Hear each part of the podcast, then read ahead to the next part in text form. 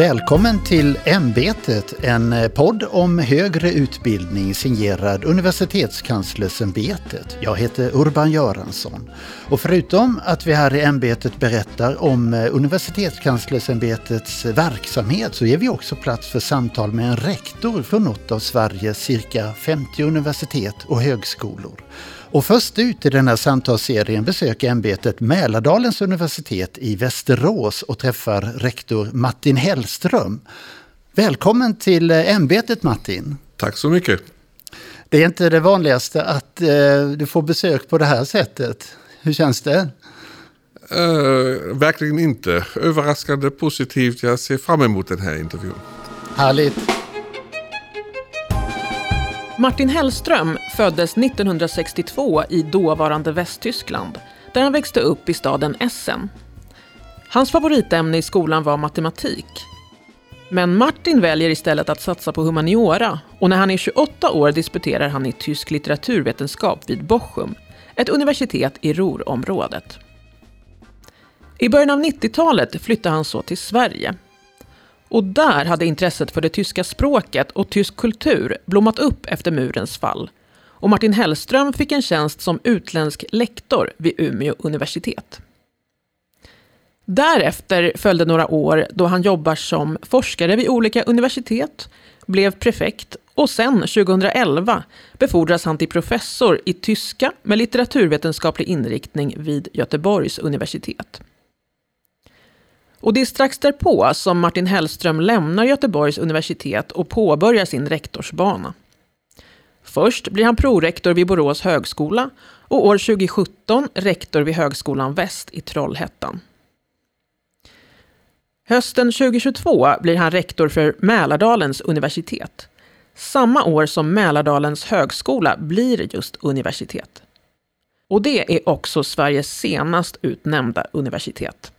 Ja, eller som vi också brukar säga, det yngsta universitetet eh, i Sverige. Vilket är lite roligt med tanke på att vi just i dagarna firade att eh, Sveriges första gymnasieskola, Rydbeckska gymnasiet i Västerås, eh, firade just sitt jubileum. Så eh, Sveriges första eh, gymnasium och Sveriges yngsta universitet befinner sig i Västerås. Vilken härlig kunskapsbrygga. Traditionen går vidare. Ja, ja verkligen. Och eh, inte minst med tanke på att biskop eh, Rydbeck, eh, han, eller Rydbeckius, han bildade den där skolan och eh, brann för eh, inkluderingsfrågor som vi idag skulle kanske uttrycka det. Eh, han eh, hade ett stort engagemang för eh, personer och människor som eh, inte hade så bra ställt, för de fattiga och för de som inte hade tillgång till bildning. Så på så sätt tycker jag att det är en väldigt bra poäng eh, och en bra och stolt tradition Mälardalens universitet befinner sig i genom att eh, vi har väldigt många studenter från studieovan bakgrund. Vi har många studenter som eh, har en bakgrund i andra länder och kulturer. Eh, antingen själva eller genom sina föräldrar som kom mitt till Västerås eller Eskilstuna tidigare.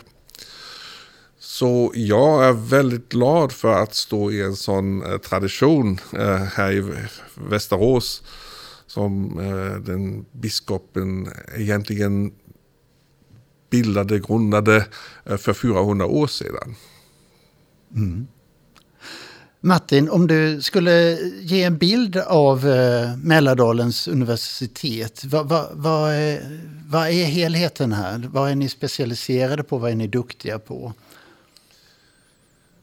Ja, det är givetvis jättemycket vi är duktiga på. Uh, um, men om du frågar så, då skulle jag ändå säga att uh, vi är väldigt duktiga på att samverka med uh, framförallt industrin, men även samhället i övrigt. Och just genom samverkan har vi väldigt intressanta forskningsprojekt. Också lyckats få jättestora pengar eh, som, som eh, finansierade forskningen. Vad är det för forskningsprojekt?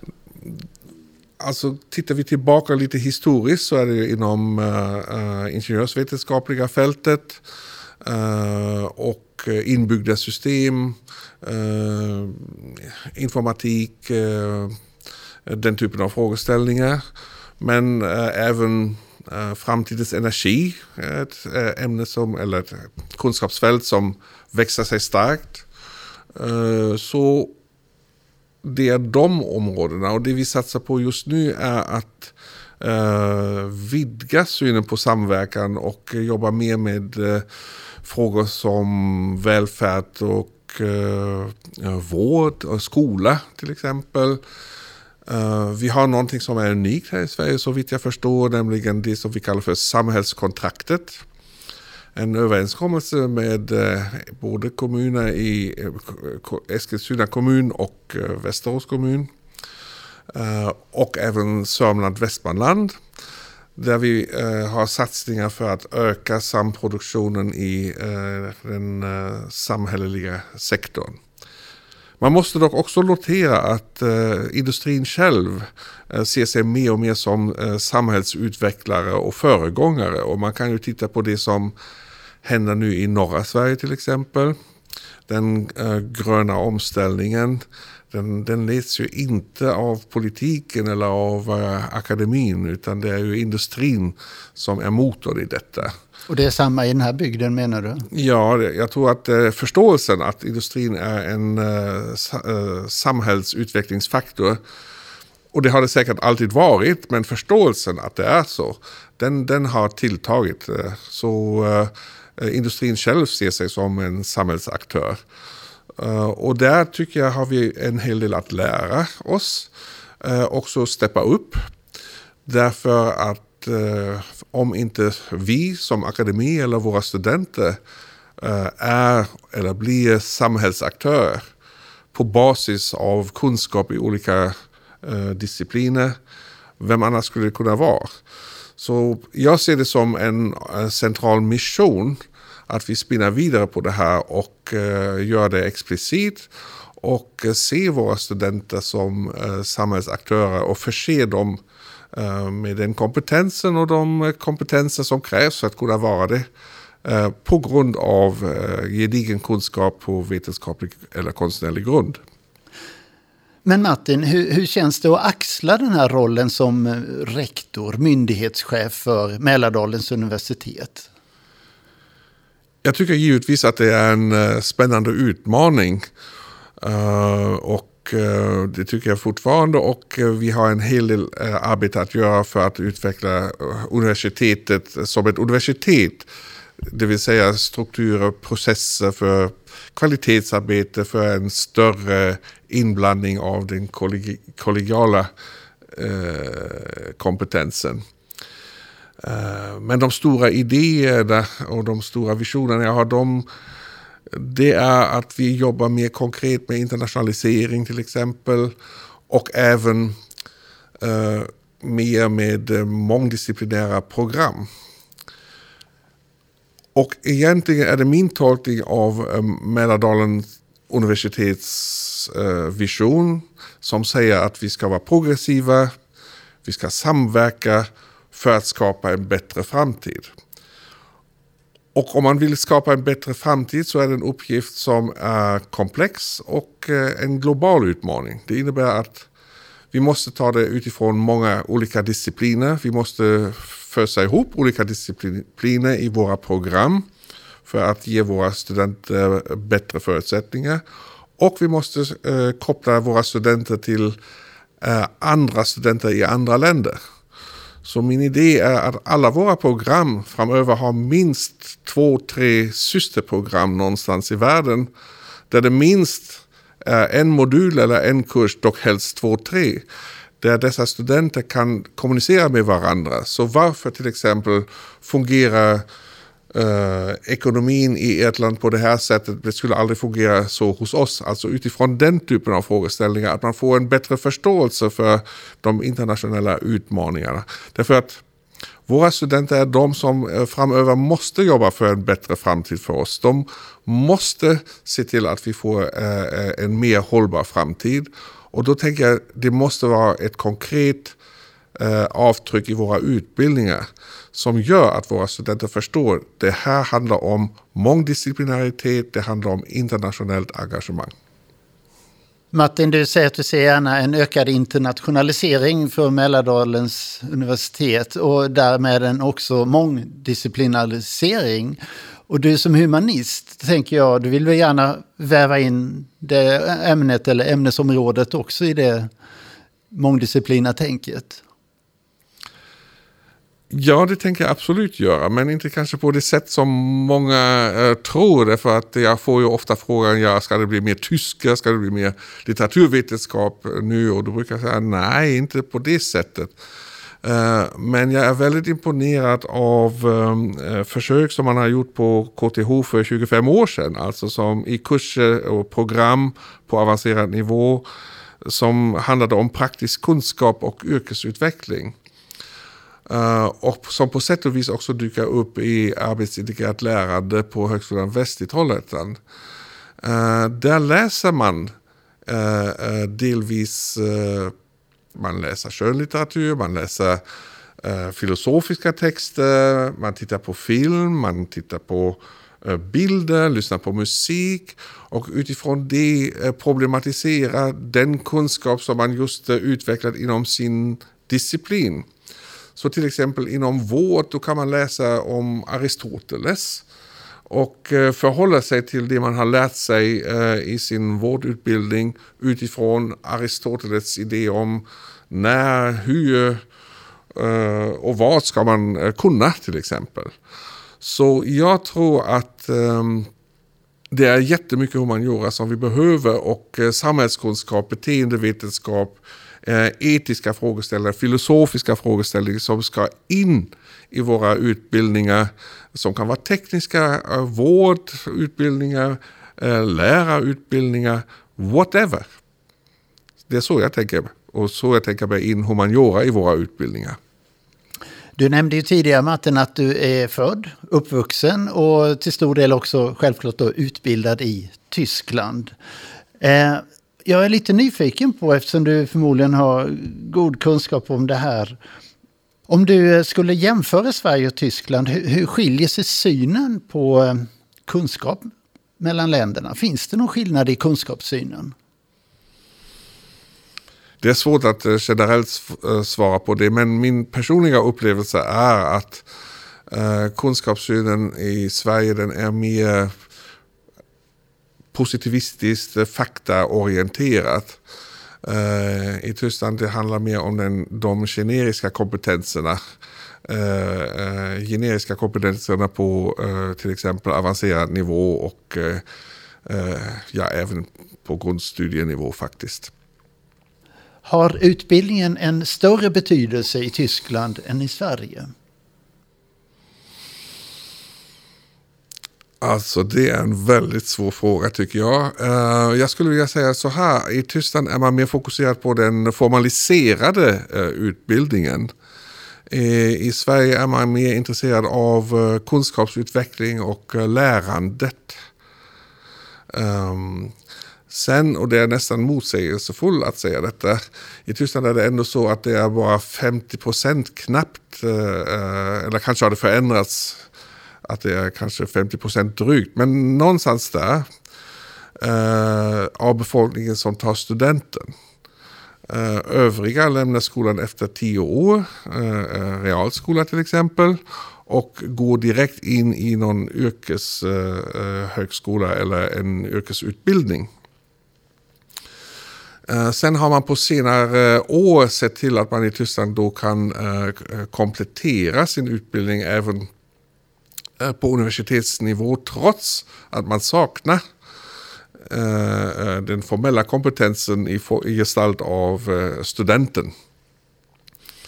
Men man har ett annat system av validering av praktisk kunskap som gör det möjligt att man efter så så många år i yrkeslivet per automatik nästan kan valideras in i vissa högskole och universitetsutbildningar. Det är ett sätt eh, som jag tycker är bra och fungerar bättre än i Sverige där, där, vi, eh, där vi är lite för nitiska när det kommer till validering av eh, praktisk kunskap. Ja, vi ser hellre till teorin om man säger så, läskunskap. Ja. Men en sak som jag också nämnde när vi firade 400 år Rudbeckianska gymnasiet i Västerås. Det var att en skola och det gäller även högskolor och universitet, alltid är en spegel av samhället. Och i Sverige där man har ett barnvänligt samhälle har man alltid en barnvänlig eh, skola. Medan man i länder där man inte har ett barnvänligt samhälle aldrig kommer att ha en barnvänlig skola. Det hjälper inte med pedagogiska teorier. Och det är en verkligen insikt som, som, som, som har uppstått eh, i mig. Och det är någonting jag menar man borde vara stolt över i Sverige. För även om vi får studenter som har sämre eller dåliga kunskaper så har de ändå lärt sig eh, hur man hanterar detta och hur man kan ge hjärnet eh, bara man har bestämt sig, nu vill jag ta den där utbildningen. Och då har man ändå lärt sig alltså hur man angriper och effektivt kan eh, lära sig saker.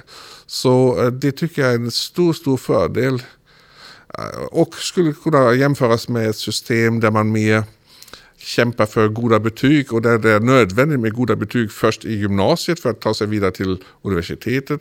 Och sen goda betyg, eller toppbetyg från högskola och universitet för att få toppjobb. Eh, det är den tyska modellen. Så eh, den är inte att föredra tycker jag. Jag tror nog att eh, jag litar mer på den svenska modellen. Um, Universitetskanslersämbetet, vi är ju myndigheten i Sverige som lägger ut riktlinjerna för de högre lärosätena och ser till att ni så kallat följer dem. Men hur, hur ser du på förhållandet mellan ert universitet och Universitetskanslersämbetet? På en generell nivå så tycker jag att det är väldigt, väldigt positivt. Jag har ju erfarenhet eh, från andra lärosäten, alltså både Borås och eh, Trollhättan, Högskolan Väst. Och jag har ändå under alla dessa år upplevt eh, eh UKÄ som eh, eh kvalitetsdrivande. Som då och då dyker upp och ställer relevanta frågor. Och, och vad kan det vara? Vad har du, vad har du utsatts för, höll jag på att säga? Ja, det är sådana, alltså, ja det mesta är väl eh, kvalitetssäkringssystem. Eh, eh, om man går inte för långt tillbaka. Eh, och då tänker jag att eh, det är ett väldigt, väldigt viktigt arbete som UKÄ har skött på ett väldigt bra sätt. Sen eh, är det ju alltid så om man får kritik så är man inte lika glad som om man får positiv kritik. Men de flesta inser nog att eh, den processen eh, och frågorna och eh, utredningar de är jätteviktiga för att kunna um, uh, kvalitetssäkra och kvalitetsutveckla lärosätena. Du känner att de modeller som vi har, metoder, fungerar bra? Ja, det tycker jag. Och inte minst så är de ett stöd för universitetsledningar att bedriva den typen av arbete. Det är mycket svårare att bedriva den eh, på egen maskin därför vi har så många saker att prioritera. Vi skulle inte prioritera detta kanske på samma sätt. Och då är det bra om man har eh, eh, UKÄ i nacken om man får uttrycka sig så. eh, för då kan man inte prioritera bort det. Och det tycker jag är jätteviktigt och bra. Och sen beror det alltid på personer givetvis. Alltså vilken bedömergrupp, hur är den sammansatt? Eh, så det kan ju variera och det kan ju ingen garantera att man mäter med samma mått alla gånger. Men det är inte det viktigaste. Det viktigaste är att man tar det med en nypa salt och man tar det framför allt som ett stöd i att utveckla kvaliteten. Och det tycker jag är jätteviktigt. Har, har, ni här på Mälardalens universitet utvecklat någon form av best practice för hur ni ska kvalitetssäkra era utbildningar? Man kan ju säga så här att eh, lite diplomatiskt svara att vi håller på att utveckla ett väldigt bra system. Mm. Vi har ju fått eh, underkänt eh, vad gäller kvalitetssäkringssystem för utbildning. Och eh, vi har intensifierat vårt arbete med detta och insett att vi måste ha ett eh, mer samlat grepp om ett kvalitetssäkringssystem för både utbildning, forskning och eh, verksamhetsstöd. Och det är det vi skissar på eh, just nu och drar ihop. Eh, och eh, det ser väldigt lovande ut och det kommer att bli riktigt, riktigt bra. Framför allt så, så som det ser ut just nu kommer vi att jobba mindre och mer effektivt. Men med mer fokus på uh, uppföljning och uh, dokumentation. Är det bra?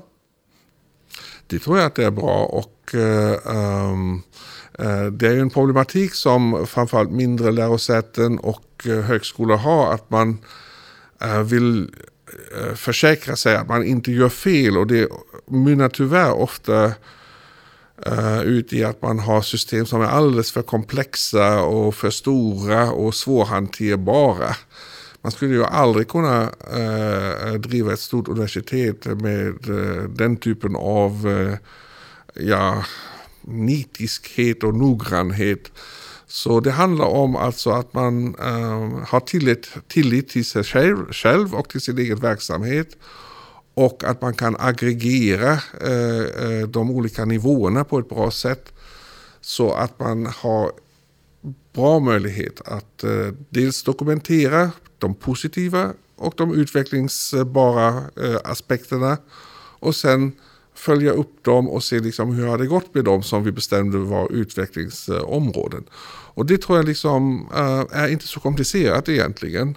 Men vi tror att det är komplicerat och då blir det krångligt. Och vi måste avkrånglificera detta. Så är det. Fram med rakkniven. Ja. ja.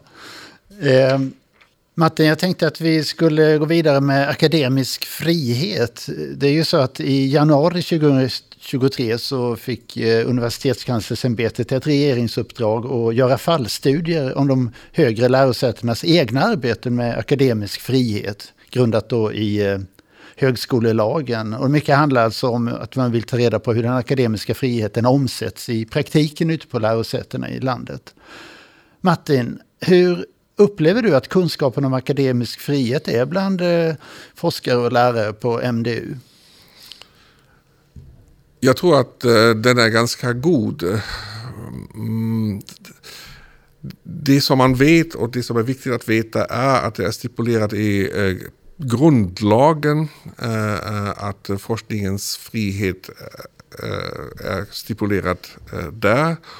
Och att det finns ett tillägg i högskolelagen som pratar om, den, eh, om utbildningens frihet i sammanhanget. När det kommer till den här forskningens frihet eh, som den är stipulerad så garanterar den ju att man får välja metod och att man Eh, uh, får publicera det man har kommit fram till. Och uh, det är i de allra, allra, allra flesta fallen inget problem. Uh, däremot om man är ett samverkande lärosäte som till exempel samverkar med industri som har hemligstämplat material där det är inte möjligt för alla doktorander till exempel att vara på en plats beroende på vilka länder man kommer ifrån som student. Eller där publicering uh, um, uh, måste liksom eh, vänta lite grann för att man måste först anmäla patent eller det ena eller det andra. Då är det ju mer krångligt. Men det händer ju inte särskilt ofta. Och det är inte där skon egentligen klämmer. Skon klämmer liksom att uh, i debatten som förs i media Uh, Eh, att man drar fram det och eh, viftar med det akademiska frihetskortet när man inte får som man vill. Eh, eller när det passar. Och då då lämnar man gärna och har gärna en vidare förståelse för vad akademisk frihet egentligen är. Och då blir det problematiskt därför då, ja, då mixar man ihop olika dimensioner och då blir det väldigt otydligt och ja, osakligt ofta. Men eh, det som är en mer allvarlig fråga är, och som vi ju diskuterar till exempel i eh, SUHF eh, och andra gremier, hur, ser alltså den, hur skulle den akademiska friheten se ut om man skulle fatta den lite vidare än som den är stipulerad idag och så som jag redan har nämnt att den är stipulerad. Och då är ju frågan, alltså idag har vi till exempel en situation där riksdagen sätter sig och pådyvlar våra utbildningar ett visst antal examensmål. I vissa förskoleutbildningar är det upp till 29 stycken. Det är internationellt otänkbart. Alltså det där är verkligen ingenting som, som man förknippar med den akademiska friheten, att man gör partipolitik delvis av eh, den typen av examensmål för eh, vissa utbildningar.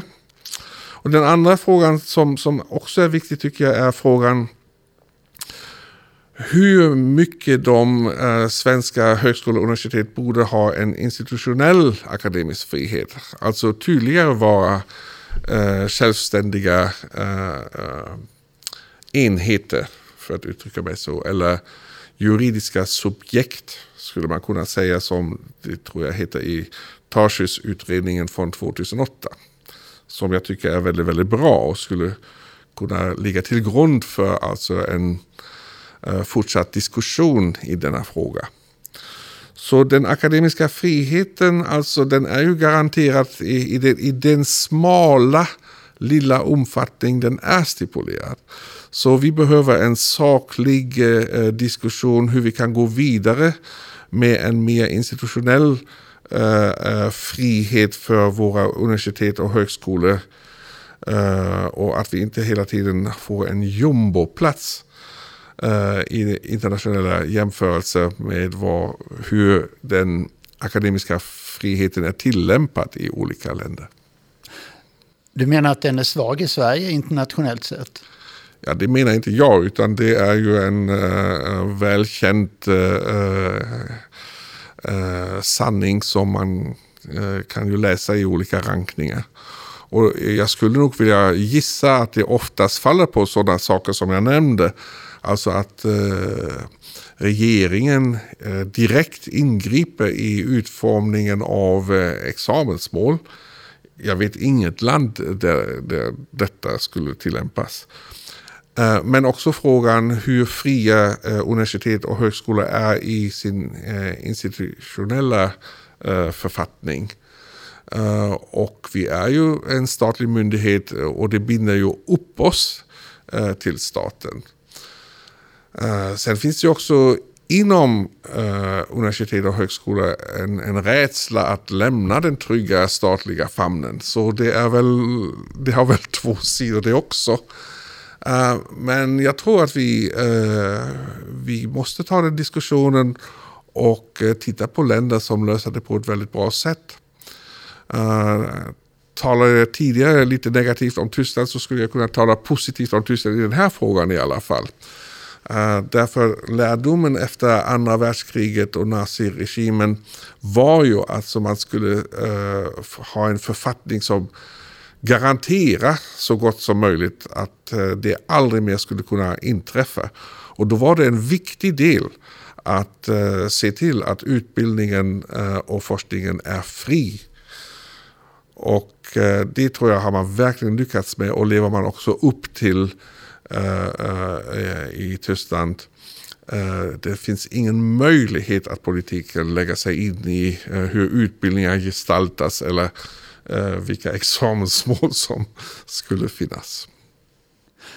Men eh, Martin, om du skulle konkretisera lite, vilka är de tre viktigaste sakerna som Mälardalens universitet och som du arbetar med inom akademisk frihet här?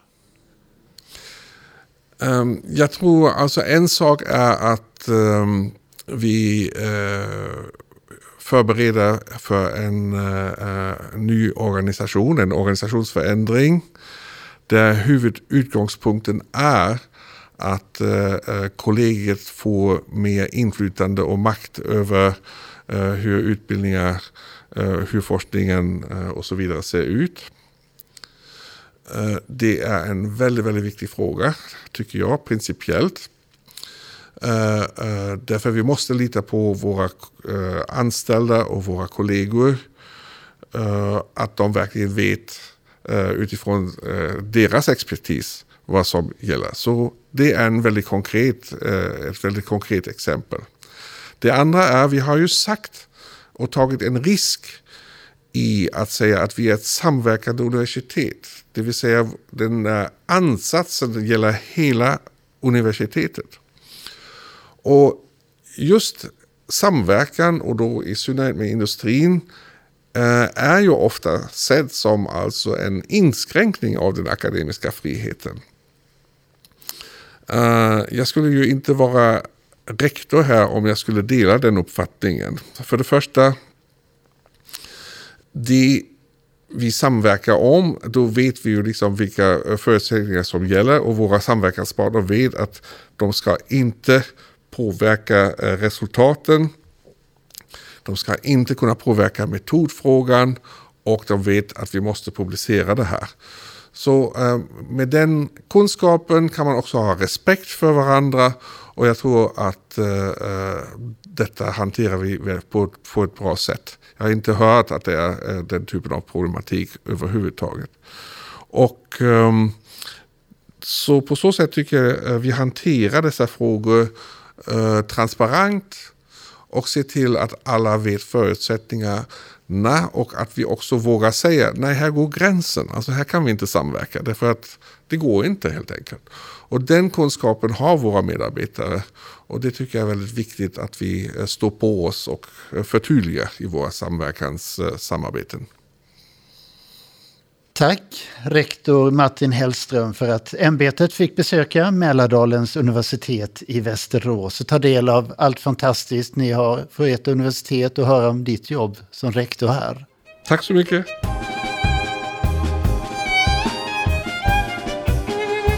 Du har lyssnat på det andra avsnittet av Ämbetet, en podd om högre utbildning. Ämbetet produceras av Universitetskanslersämbetet och i redaktionen ingår Leila Sobir, Urban Göransson och jag Karl Edqvist. I nästa avsnitt vänder vi blicken inåt och tittar närmare på myndigheten med det krångligaste namnet i Sverige, Universitetskanslersämbetet. Vad gör vi och varför? Vill du kontakta ämbetet skriver du till e-postadressen press.uka.se och besök gärna vår hemsida uka.se. Tack för att du lyssnat och vi hörs snart igen.